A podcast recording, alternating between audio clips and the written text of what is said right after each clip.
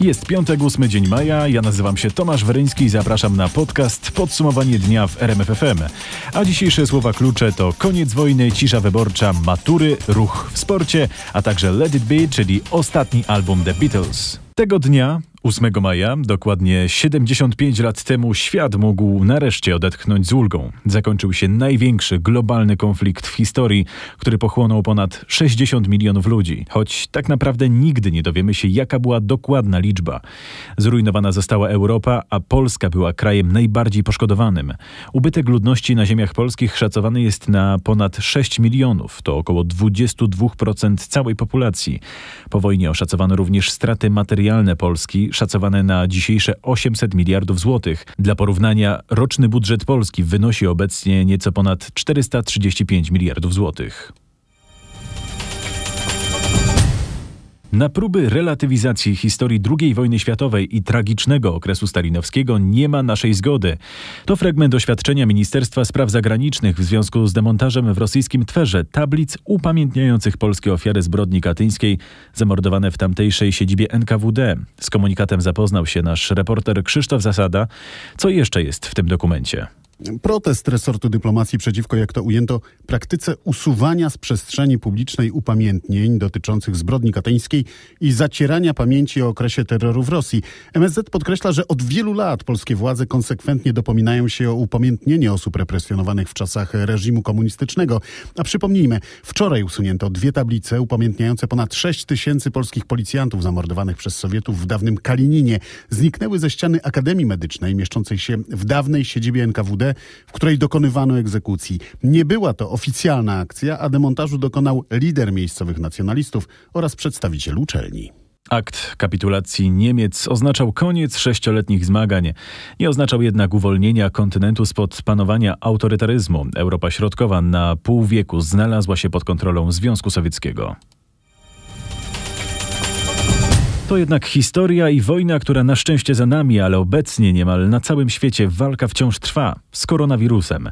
W sumie od początku epidemii zakaziło się w Polsce 15 366 osób, zmarło 776, a wyzdrowiały 5184 osoby. Tylko dziś Ministerstwo Zdrowia poinformowało o 340 nowych przypadkach zakażenia i 21 zgonach odnotowanych w naszym kraju.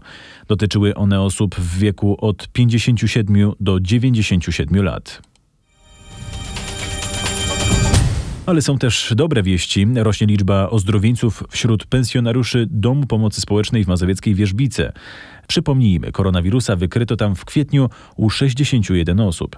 Placówka otrzymała najnowsze wyniki powtórnych testów. Wyniki testów y, są dosyć pocieszające, ponieważ wśród mieszkańców y, DPS-u jest aż 37 osób, y, które nie mają już koronawirusa. Jeśli chodzi o personel, to pozytywny wynik testu na koronawirusa mają 4 osoby. Przyznaje Marcin Gęca ze Starostwa Powiatowego w Radomiu. Placówka w Wierzbicy cały czas apeluje o pomoc w postaci sprzętu ochronnego. Potrzebne są zwłaszcza kombinezony. Nie będzie od poniedziałku kolejnego etapu luzowania ograniczeń i odmrażania gospodarki, ustalili dziennikarze RMFFM. A dlaczego rząd nie chce od nowego tygodnia łagodzić zakazów, sprawdził to nasz dziennikarz Krzysztof Berenda. Dlatego, że jeszcze nie wiadomo, jakie efekty zdrowotne przyniosło na przykład otwarcie w ostatni poniedziałek galerii handlowych. Dopiero w przyszłym tygodniu dowiemy się, czy przełożyło się to na jakiś wzrost zachorowań i ta wiedza jest konieczna do podjęcia kolejnych decyzji. Najbliższe luzowanie ograniczeń planowane jest, przypomnę, na 18 maja maja, czyli nie na najbliższy, a dopiero na kolejny poniedziałek. Wtedy mają zostać otwarte ogródki w barach, restauracjach i kawiarniach, pod warunkiem, że będą tam kelnerzy. Poluzowane mogą zostać także limity pasażerów w tramwajach i autobusach. Na kolejne etapy, na przykład na otwarcie granic, jeszcze długo poczekamy. Myślę, że w tym roku wakacje spędzimy jednak w kraju. Tak mówił na konferencji prasowej wiceminister zdrowia Waldemar Kraska. A ponad 100 mieszkańców Dolnośląskiej Bogatyni i okolic protestowało na zamkniętym polsko-czeskim przejściu granicznym Bogatynia-Frydland.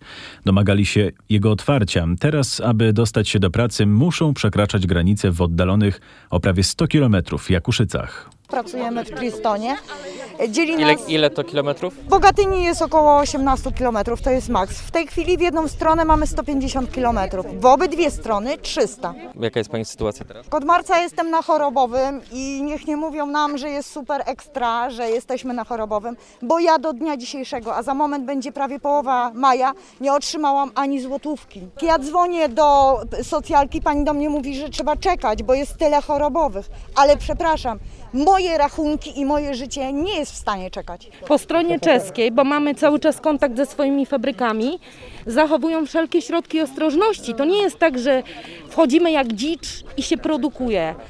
Z protestującymi w Bogatyni rozmawiał nasz reporter Mateusz Czmiel. W Świnoujściu w zachodniopomorskim przy granicy polsko-niemieckiej manifestowało natomiast ponad 100 osób z branży turystycznej. Domagają się otwarcia granic, bo miasto jest w bardzo złej sytuacji bez turystów z Niemiec.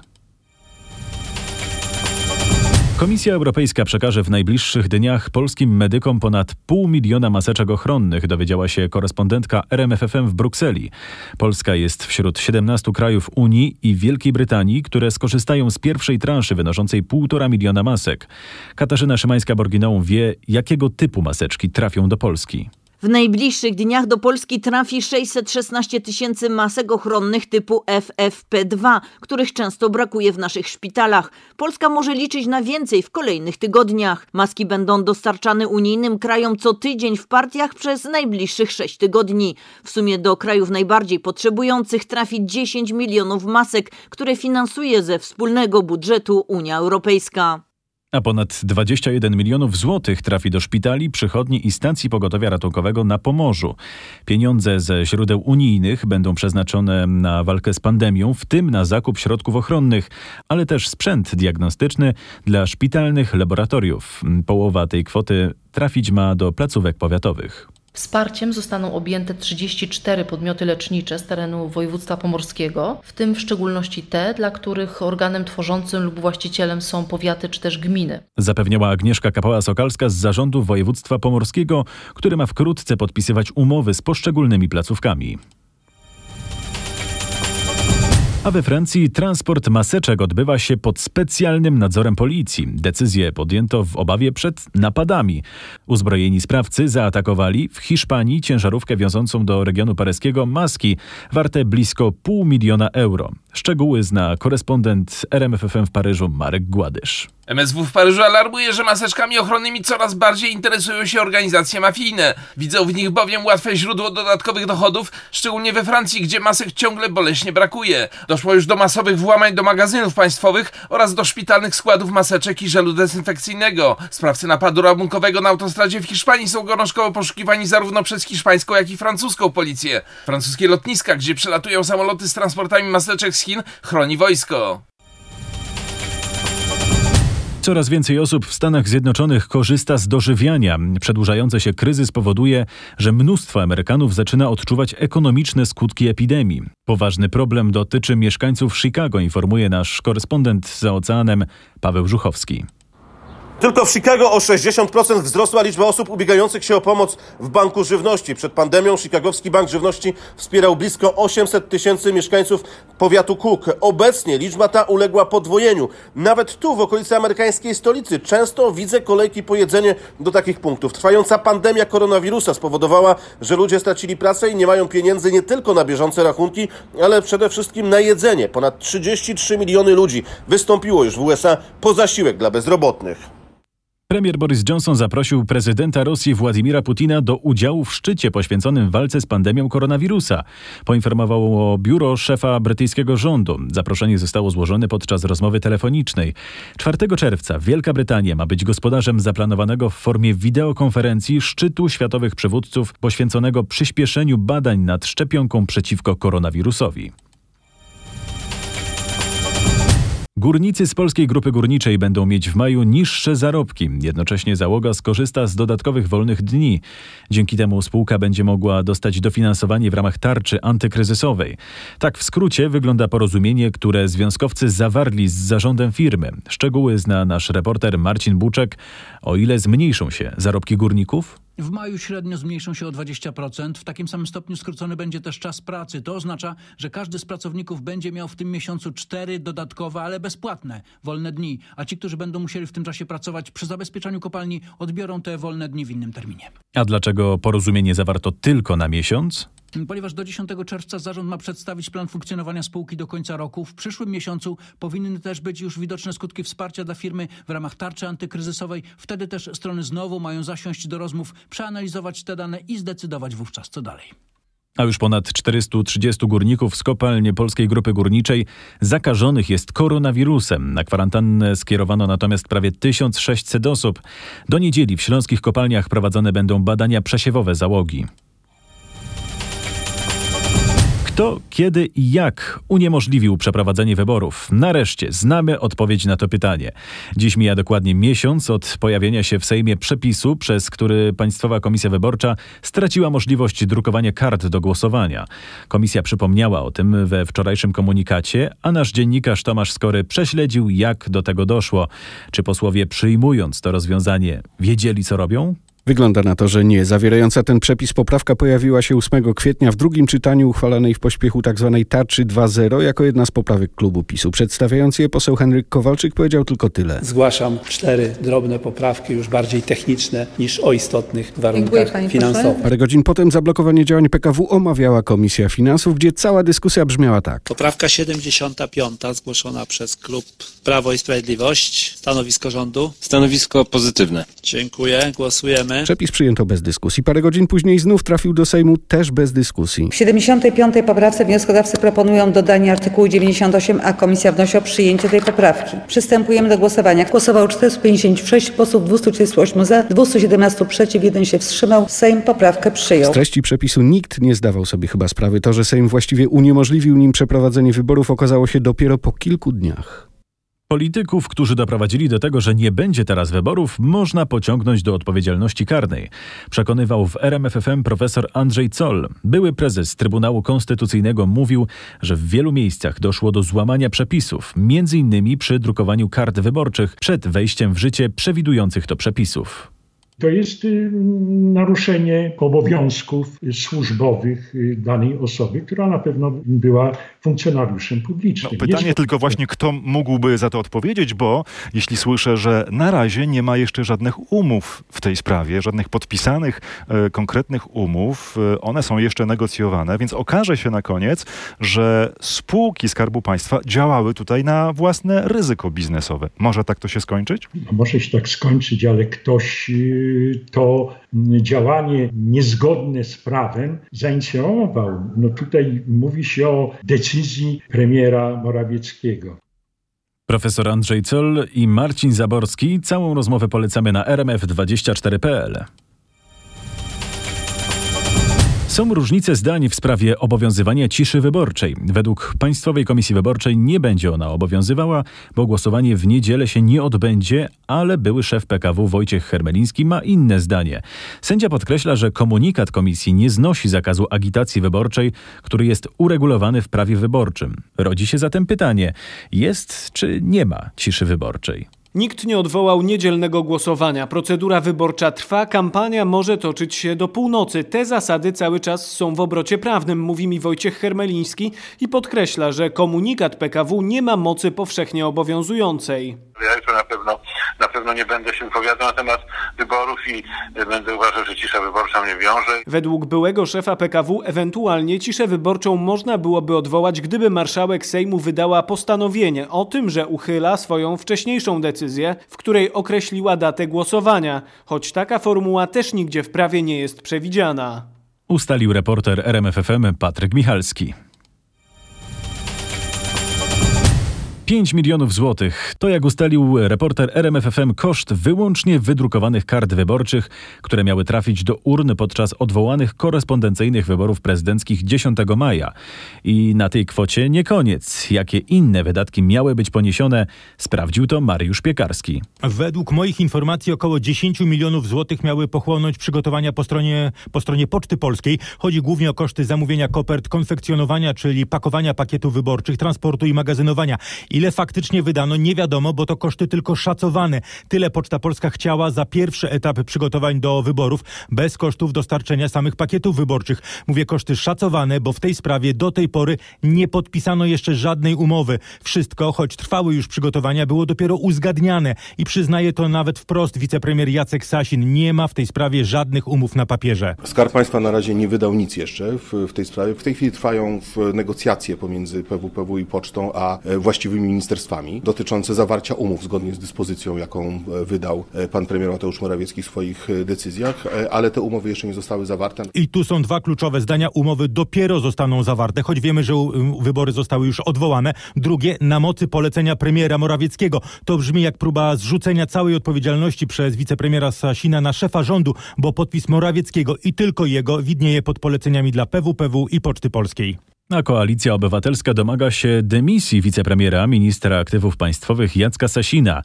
Chodzi o odpowiedzialność właśnie za wydrukowanie kart do głosowania, które miały posłużyć w wyborach korespondencyjnych jeszcze przed wydaniem rozporządzenia w sprawie ich wzoru, tłumaczy szef PO Borys Budka.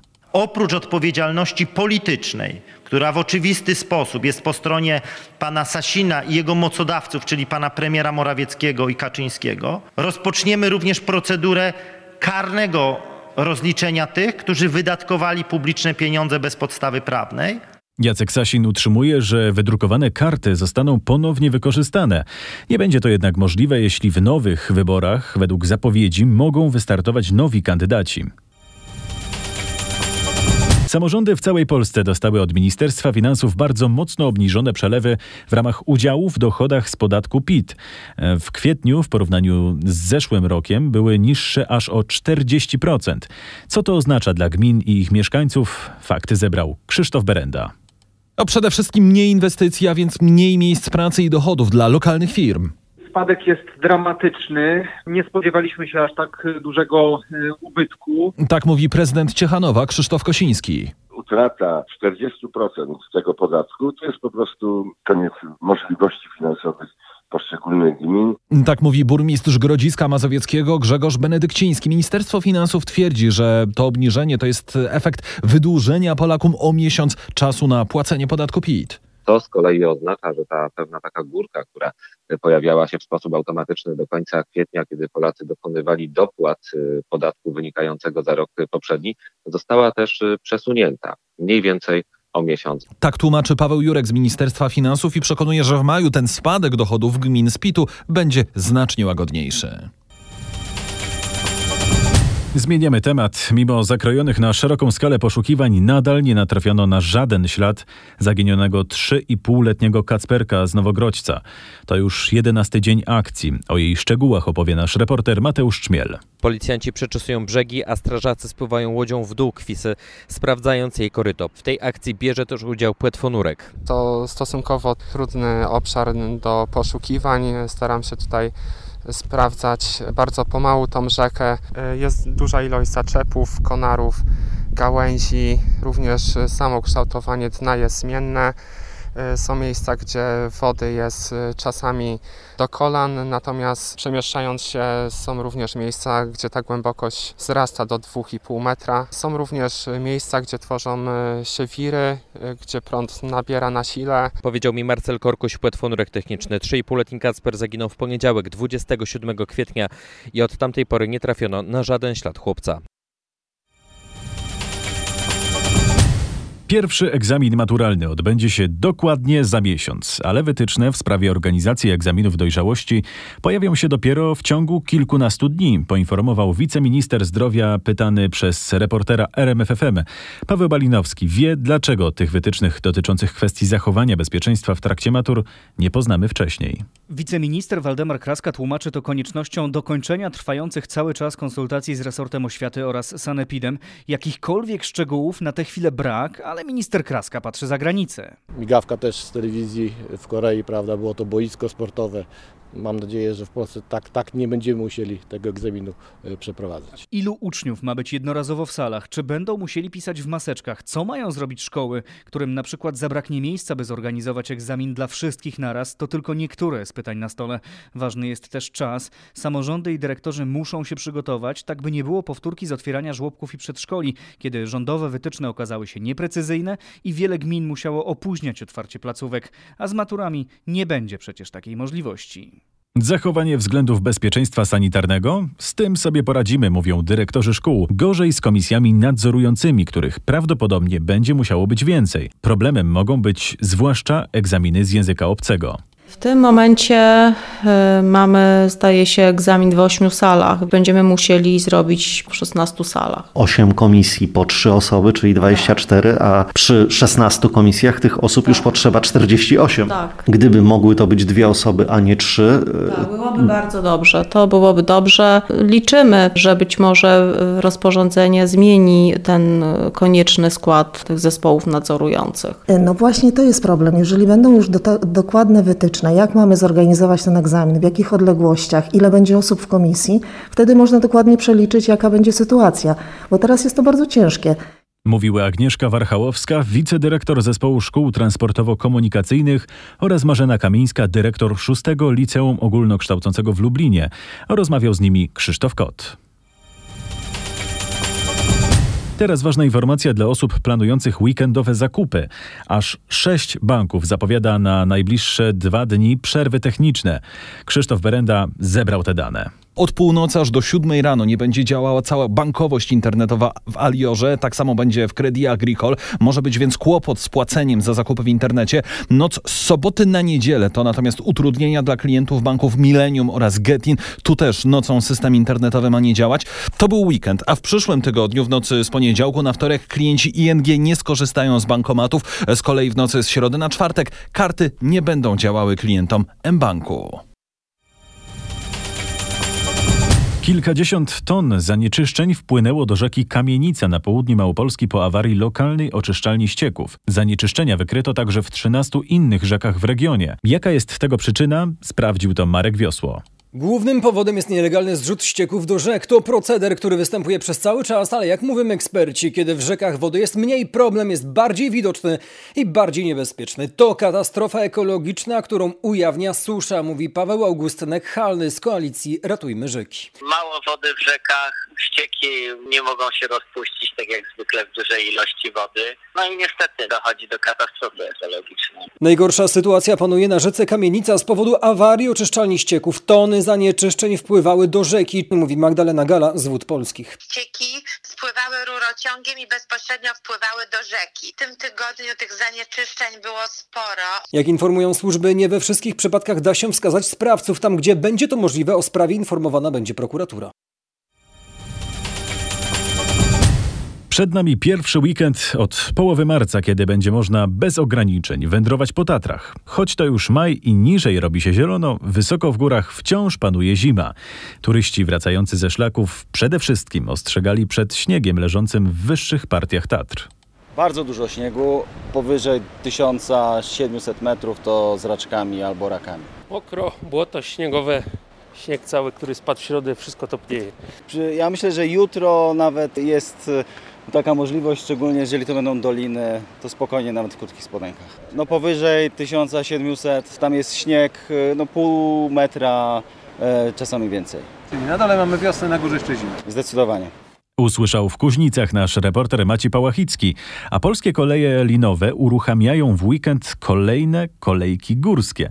Będzie można już nie tylko wyjechać na Gubałówkę i Kasprowy Wierch w Zakopanem, ale także na Palenicę w Szczawnicy, Mosorny Groń w Zawoi i Butorowy Wierch w Kościelisku. Oczywiście obowiązują maseczki i dezynfekcja rąk, ale nie tylko. Chyba najważniejsza taka zmiana z punktu widzenia klientów to ograniczone są do 1 czwartej w zasadzie y, przepustowości wszystkich tych kolei. Na Kasprowy Wierch w wagonie jednocześnie może przebywać 15 osób, na Gubałówce 30 osób, natomiast na kolejach krzesełkowych obowiązują takie zasady, że w przypadku kolei czteroosobowych, czyli tu mówimy o Palenicy i o Mosornym Groniu, y, klienci będą siadali po skrajnych y, miejscach, pozostawiając te dwa metry odstępu. No w przypadku butorowego wierchu, który jest dwuosobową koleją, na jednym krzesełku jedna osoba. Mówi Patryk Białokozowicz z Polskich Kolei Linowych.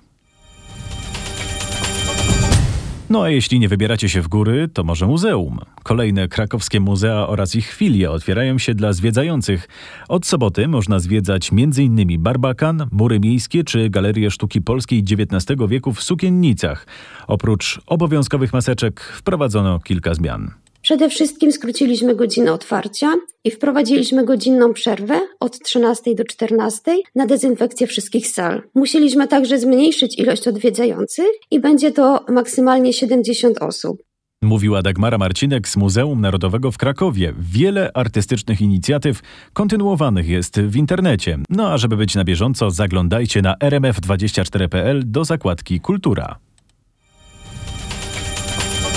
Ruch zaczyna się także w sporcie i tak właśnie sportowcy zjeżdżają do Spały. Ośrodek Przygotowań Olimpijskich przyjmuje już zawodników i zawodniczki, a Patryk Serwański sprawdził, jak wygląda procedura zameldowania się w ośrodku i rozpoczęcia treningów. Sportowcy przez minione dwa tygodnie byli w izolacji i w tym czasie byli też monitorowani na bieżąco. Teraz w Spale czeka ich wywiad medyczny i kwalifikacja do badania na obecność koronawirusa. Test PCR jest robiony w karetce, która stoi właśnie przy wejściu do budynku głównego. Mówi doktor Jarosław Krzywański z Centralnego Ośrodka Medycyny Sportowej. Po badaniu można odebrać klucze do pokoju i trzeba udać się na 24-godzinną kwarantannę. Wyniki testów przesądzą o tym, czy dana osoba może trenować. Do Spały dziś przyjadą pięcioboiści, grupa pływaków oraz troje lekkoatletów. Do tego trenerzy i fizjoterapeuci. Kolejna grupa dotrze w poniedziałek. Tego dnia pierwsi sportowcy przyjadą też do ośrodka w Wałczu. A dziś mija 50 lat od premiery Let It Be, ostatniego albumu w oficjalnej dyskografii grupy The Beatles. A przypomina o tym Katarzyna Sobiechowska-Szuchta z redakcji kulturalnej RMFFM. Z tą premierą wiąże się też nowy film w reżyserii Petera Jacksona.